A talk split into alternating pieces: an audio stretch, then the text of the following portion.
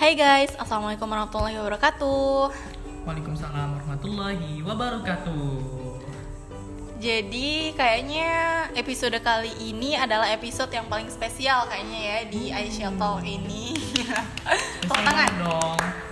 Karena di sini ya nggak sendiri lagi nih. Di sini ada Kak Arya, halo. Hai, halo.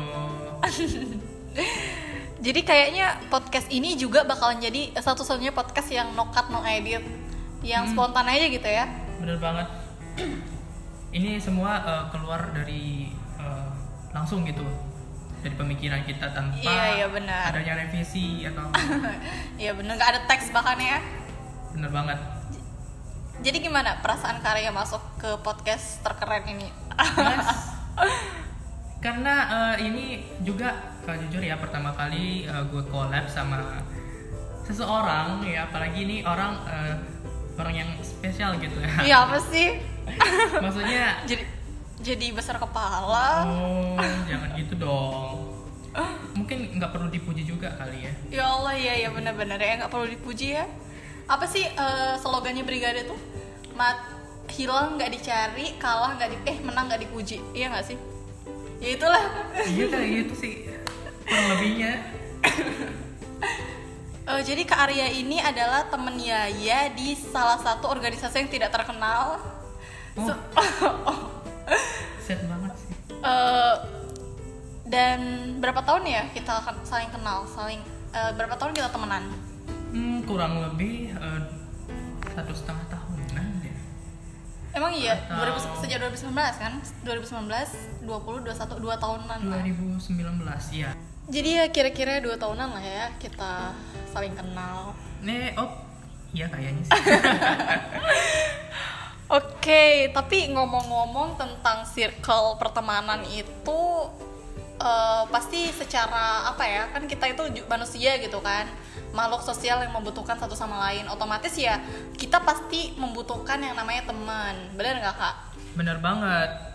Karena juga eh, gini lingkungan itu sangat berpengaruh juga gak sih Bu, di kepribadian Hmm, kita, iya, terutama iya, iya.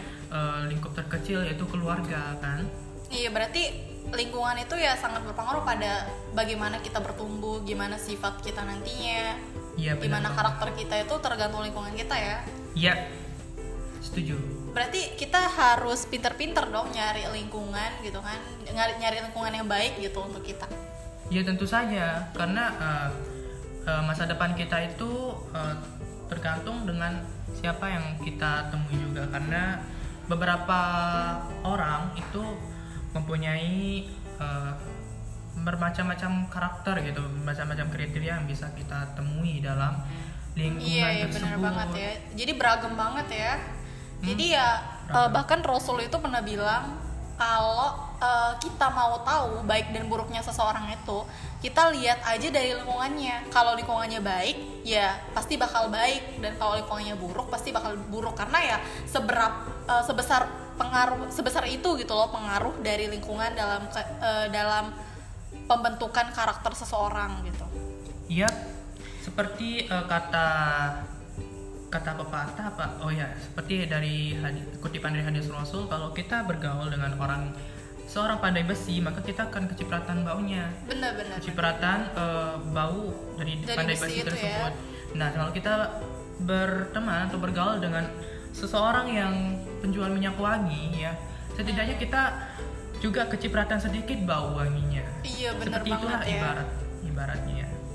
Iya, eh, berarti kalau kalau dari karya sendiri nih, pernah eh, pernah nggak sih karya menemukan atau merasakan eh, circle pertemanan yang positif vibes banget gitu buat karya yang memberikan banyak manfaat atau eh, support banget gitu? Ya kalau eh, berbicara mengenai lingkungan ini, gue langsung kepikiran kepikiran ke masa-masa sekolah gitu. Asik, Eh, masa-masa ya. di mana gue bisa dikatakan no lab gitu ya, terlalu introvert, jadi nggak terlalu tertarik lah sama dunia pergengan gitu. Karena mereka kan sebe- sebe- sebenarnya di sana kan berkubu-kubu, jadi kayak terbatas oke. gitu, sehingga eh, kalau berbicara circle pertemanan itu pasti em, toxic toxic gitu terlintas di pikiran tapi berarti- nggak ter- nggak eh, anu nggak menutup kemungkinan juga sih eh, kalau saya pribadi pernah eh, pernah dan terjebak gitu ya dalam Iya. circle pertemanan yang seperti itu? Pernah terjebak. Oh berarti dulu karyanya tuh uh, introvert gitu ya? Iya bener banget introvert. Bah- bahkan eh, sering menjadi bahan ya bahan bahan bulian gitu. Tapi kayaknya sekarang karya itu ketularan Yaya deh ya kayak ekstrovert Ah, iya. mungkin eh, terla- condong ke ambivert kali nggak ekstrovert kalau dibilang ekstrovert enggak, Nggak tapi kalau introvert juga enggak juga gitu. ya berarti pertengahan aja ya Iya, yang sedang-sedang saya kayak judul lagu. Apa tuh lagunya? Yang sedang-sedang saya. Asik. Oke berat ya. eh, terus gimana tuh? Karya jadi ikutan buruk nggak sih dengan circle pertemanan yang buruk gitu? Ya jujur enggak nyaman banget sih karena eh, emang Ki- jika kita memaksakan diri di lingkungan yang sebenarnya menurut kita itu toxic kita eh, akan susah buat keluar. ya kita Iya, susah kita juga buat berkembang ya, gitu. tertekan gitu di Mm-mm. dalamnya. Sehingga kita sering kali merasa ragu gitu untuk keluar dari zona nyaman kita karena eh, sudah terjebak di lingkungan yang toksik itu. Kita jadi merasa kesulitan untuk mengembangkan diri seperti yang tadi dikatakan Yaya. Hmm, bener banget. Em, kayaknya relate banget sih sama apa yang Yaya rasakan juga di awal-awal masuk SMA itu. Jadi ya eh, pas itu jadi kan di SMA itu banyak ini kan pertama kalinya masuk sekolah umum gitu kan sejak Iya. sebelum-sebelumnya itu masuk di sekolah yang eh, latar belakangnya Islam. Pertama kali masuk di sekolah umum dan itu otomatis banyak ketemu sama orang-orang yang eh, luar non eh, luar Islam gitu non Muslim Hmm, Nah, terus teman-temanku itu banyak yang nggak syari. Jadi di situ cuma satu-satunya yang syari itu ya ya ya gitu di kelas itu. Dan di situ ya merasa malu, kayak nggak pede gitu. Akhirnya ya pendakin jilbab, tapi ternyata itu salah gitu kan ya. Jadi ya bisa dibilang eh, terjebak pada lingkungan yang tidak eh, apa sih nggak support gitu. Ya gitulah sedih.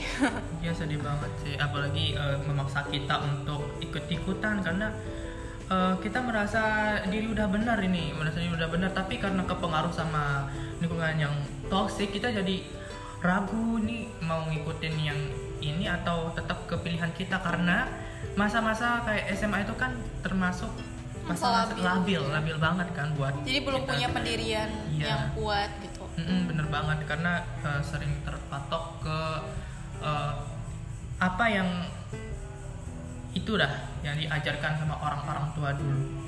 Eh, jadi kalau menurut Kak Arya itu gimana sih circle pertemanan yang baik gitu, yang support kita banget atau yang memberikan dampak positif buat kita?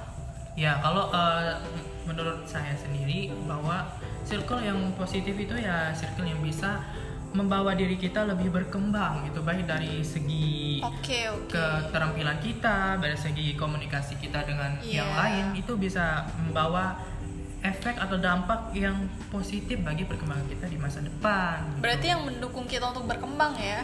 Iya bener banget. Jadi kalau semisal kita berteman dengan seseorang dan kita merasa selama kita berteman kita nggak dapat apa-apa gitu, maksudnya tuh kita nggak ilmu kita nggak nambah, kemudian kita nggak ngerasakan hal-hal yang positif, itu termasuk toxic ya. Iya. Itu termasuk toxic toxic banget. Jadi ya kita harus pintar-pintar gitu nyari lingkungan yang bisa mendukung kita untuk berkembang supaya ya keilmuan kita nambah, terus kita dikasih rasa nyaman gitu di circle itu. Nah, tapi teman-teman, kalau kita mau punya circle yang baik yang bisa support nih buat kita yang circle yang positif gitu, nggak bisa kita eh, maksudnya kita cari teman ke mana pun itu susah gitu dapatnya kayak gitu nah yang perlu kita lakuin itu adalah membangun circle pertemanan yang seperti itu nah Iya.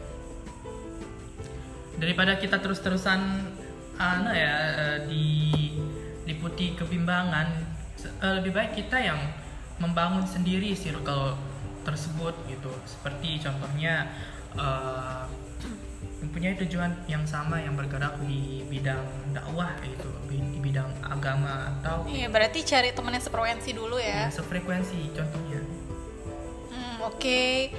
Tapi kalau menurutku itu cara membangun uh, circle pertemanan yang positif itu adalah uh, di mana kita itu di dalamnya kan otomatis saling mendukung ya, saling mendukung, saling uh, terbuka nih contohnya. Karena sering orang-orang itu kalau uh, temenan ya atau berada dalam suatu circle pertemanan, dia itu nggak terbuka. Jadi seolah-olah dia bertopeng gitu loh.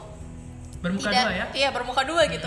Dia tuh nggak menunjukkan hal yang eh, sebenarnya da- dari dirinya.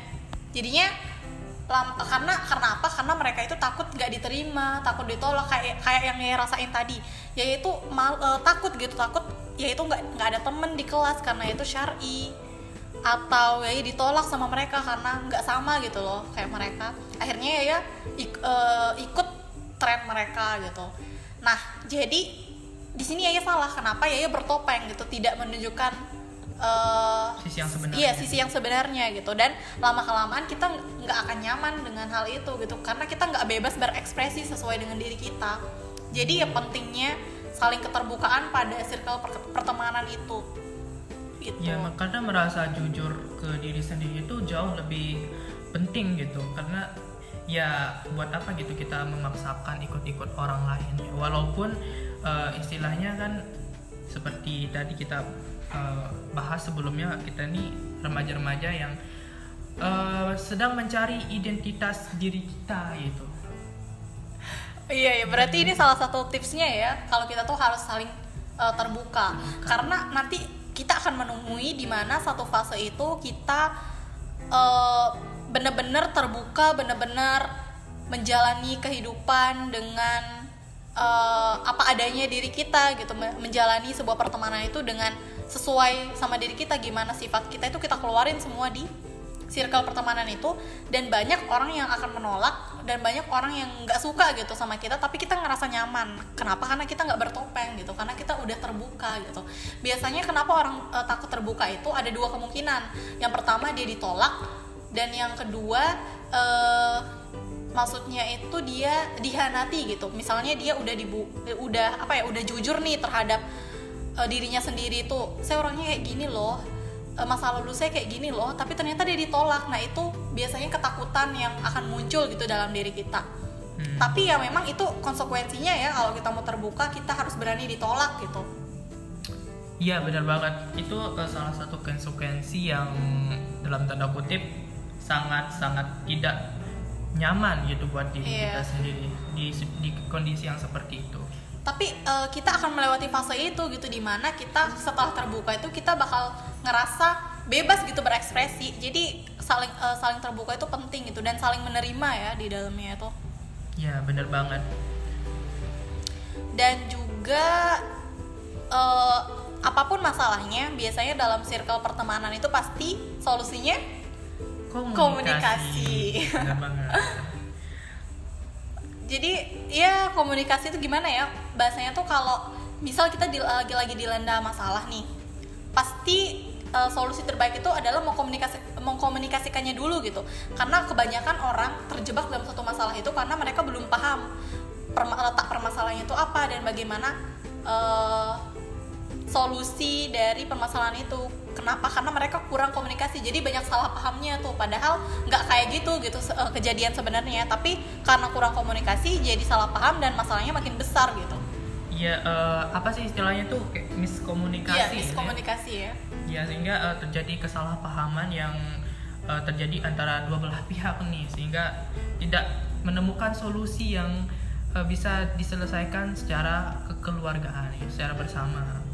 tapi ngomong-ngomong eh, saling keterbukaan itu ya pernah baca nih dalam suatu artikel bahwa di mana cowok itu lebih sulit untuk terbuka. Bener nggak menurut karya dari perspektif cowok nih Kalau dari perspektif cowok, eh, cowok itu eh, lebih terbuka sama eh, emang yang sefrekuensi dengan dia gitu. Hmm, Eh, bukan oke. berarti si cowok ini selalu eh, bakal menutup diri seterusnya ya, tapi seiring berjalannya waktu pun eh, cowok ini bakalan beradaptasi dengan lingkungannya tergantung juga itu lingkungannya itu bisa diterima dengan baik dengan Hmm. Berarti tergantung kondisi. kenyamanan dia ya. ya tergantung kenyamanan dia karena eh, sepeka- sepengalaman eh, saya juga eh, pernah punya temen cowok yang itu eh, dulunya tuh pendiam banget gitu tapi eh, setelah didekat-deketin ternyata wah kita frekuensi nih nah karena kita sudah tahu kita frekuensi maka kelamaan kita juga eh, Saling terbuka. ya saling terbuka keluar tuh sifat aslinya ternyata dia cicilan juga ya ternyata eh, karakter dia sebelum eh, saya kenal itu berbanding terbalik dengan sifat aslinya gitu. Hmm, berarti bisa dibilang bahwa cowok itu juga butuh keterbukaan ya supaya eh, nggak dipendem gitu. Karena mendem itu nggak sehat gitu. Bakalan numpuk di hati kita kayak ih greget nggak sih rasanya? Iya karena kelama kelama kelamaan itu bisa jadi bom waktu juga buat diri kita. Iya bener-bener banget. Ntar eh, entah eh, beberapa beberapa lama lagi pasti itu bakalan ada batasnya juga sehingga bahaya banget sih kalau kita terlalu pendam rasa yang eh, lama nggak diutarakan. Iya iya benar-benar. Jadi mendem itu juga nggak enak ya. Iya. tapi juga kalau kita terlalu terbuka itu gimana nih kesannya? Eh, kita terlalu terbuka itu kesannya kayak eh, apa sih menyerahkan segala b- kayak ngelewatin privasi aja gitu ya. Iya. Kayak saling terbuka pun itu maksudnya tuh kayak apa ya? eh, terlalu terbuka gitu. Misalnya kita menceritakan apa pun itu dalam kehidupan kita itu juga nggak baik gitu. Jadi perlu di Hmm. sele- harus selektif gitu ya, mana yang Iya. harus kita eh, buka dan mana enggak, mana yang merupakan pri- privasi kita yang harus kita Hmm. tahu sendiri gitu kan ya. karena ya karena eh, kalau kita sendiri eh, mengetahui privasi kita sampai sebatas apa kita nggak bakal terlalu mengumbar nih eh, ke semua orang tentang eh, pencapaian kita lah tentang eh, apa yang seharusnya tidak kita umbar gitu. Jadi itu semacam toxic toxic eh, toxic positif eh, dari kita sendiri sih. Tapi Karya tahu nggak sih kalau cewek itu dia itu kenapa banyak nih cewek yang takut terbuka gitu sama temennya atau sama siapalah gitu ya. Karena yang ketakutan terbesar mereka tuh ditolak gitu. Jadi menurut Kak Arya gimana sih tips supaya kita nggak sakit hati ketika kita ditolak atau ya ketika kita nggak diterima gitu dalam suatu circle pertemanan? Em, gi- gini ya karena kita kan eh, selalu eh, apa apa sih istilahnya itu mengharapkan pengakuan dari orang lain. Iya, dan iya, eh, sebaik-baiknya kita itu jangan terlalu berekspektasi, berekspektasi Ekspektasi ya. tinggi terhadap eh, perlakuan Seseorang. orang tersebut terhadap kita karena ya kita tidak tahu apa sebenarnya isi hati mereka yang lebih ke jujur terhadap diri sendiri sih dan jangan terlalu mengharapkan perlakuan yang eh, wah gitu Eh, berarti kita nggak usah terlalu berharap ya intinya Mm-mm. supaya me- apa sih namanya tidak Kayak- terlalu sakit iya menghindari kekecewaan itu Ya. Eh, ada juga nih cerita yang waktu itu inget nggak karya yang waktu Yaya marahan sama si Awal karena si Ah. Awal itu karena si Awal itu drama eh, banget dasar kan si Awal itu apa sih ceritanya waktu itu pergi ya nggak nggak bilang Yaya sedangkan waktu itu kita lagi ada rapat iya ya Nah. Gitu sih Terus eh, awal datang nih pas rapat, udah mulai rapat sekitar 15 menitan, udah mulai rapat pokoknya telat lah ya 15 menit. Hmm. Nah, Yaya marah-marah nih si, eh, ke awal gitu. Abis itu awal nggak mau ngomong lagi sama Yaya kayak diem aja gitu. Nih anak kenapa nggak mau temenin Yaya lagi gitu. Tapi ternyata setelah kita saling terbuka, ternyata Yaya orangnya memang eh, apa ya kayak mengungkapkan emosi itu dengan secara langsung gitu kalau marah ya udah marah sedangkan si awal tuh nggak suka dimarah gitu jadi Hmm. ada salah paham di sana yang ya pikirnya itu si awal tuh kayak nggak nggak muhasabah diri nggak evaluasi diri ternyata kebenarannya tuh nggak gitu gitu. Iya jadi sih. ada salah paham di sana. Karena aku terlalu berekspektasi gitu sama si awal. Jadi ya eh, kalau kita berekspektasi sama orang itu ya sewajarnya aja. Karena misalnya kita udah ber- berekspektasi tinggi tapi ternyata ekspektasi itu kita berbe eh, ekspektasi kita itu beda gitu sama kenyataannya ya pasti kita bakal kecewa ya. Ya ujungnya bakal lebih sakit gitu. Iya iya Iya, benar-benar. bener-bener. Tadi eh aku lupa tadi Kak Arya bahas apa ya?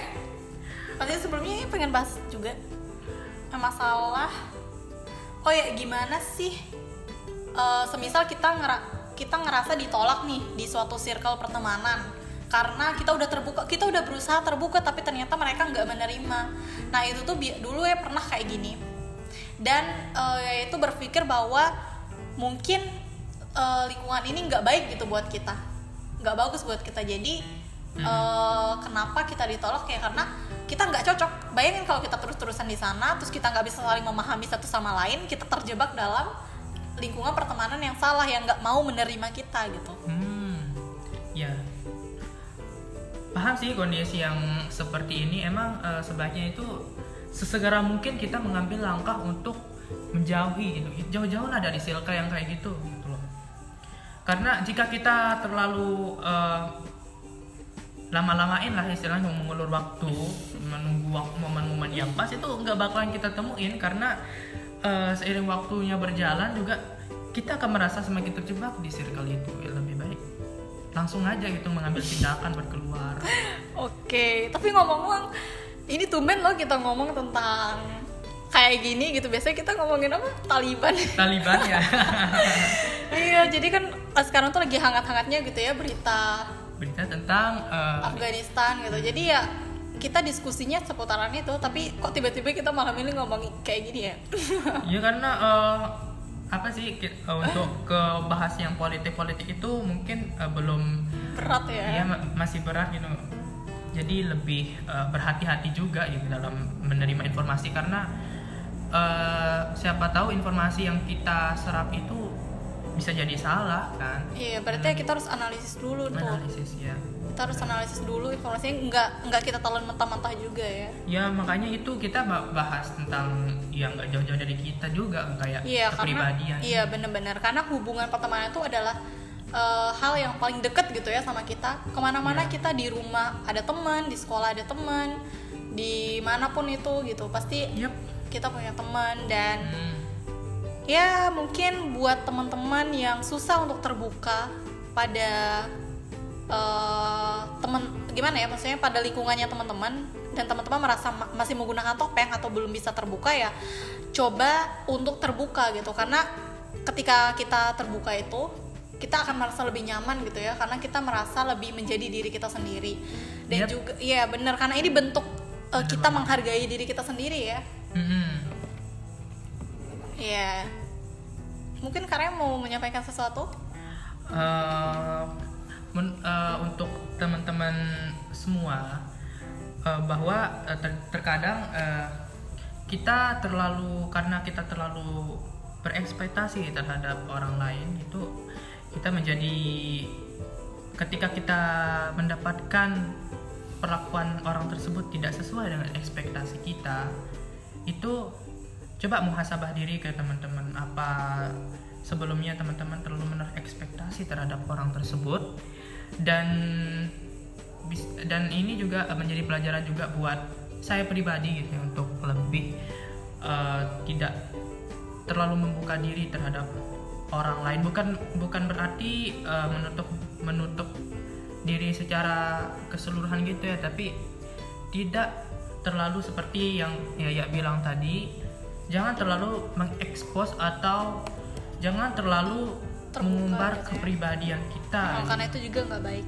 Hmm. Iya. eh, t- dan ini juga kepikiran gitu kalau dalam circle pertemanan yang positif itu kayak kita asik. oh kita?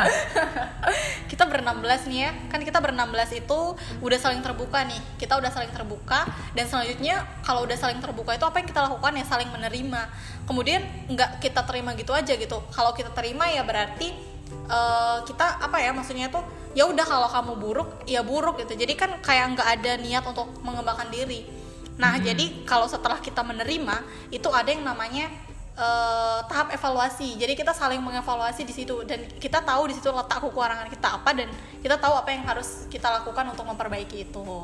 ya bener banget Jadi kayaknya sekian ya, nanti kepanjangan. Iya sih, ini pertama eh. kali lo podcast sepan eh, podcast Podcast ya ya gitu di sepanjang ini. Kan karena mungkin emang collab ya, Asik jadi banget ya ngomongnya. ya nggak terasa kita udah eh, hampir setengah jaman loh kita podcast ini ya Iya, 24 mungkin eh, menit. lain kali kita lebih Collab lagi ya, collab di podcastnya Kak Arya nih. ya boleh boleh boleh, boleh. karena podcast saya juga masih sepi konten belum belum buat Oke. Oke teman-teman, sekian ya episode kali ini. Selamat mendengarkan dan uh, tunggu kita di next episode. Bye bye. Assalamualaikum warahmatullahi wabarakatuh. bye bye Thank you Kak Arya. yeah you're welcome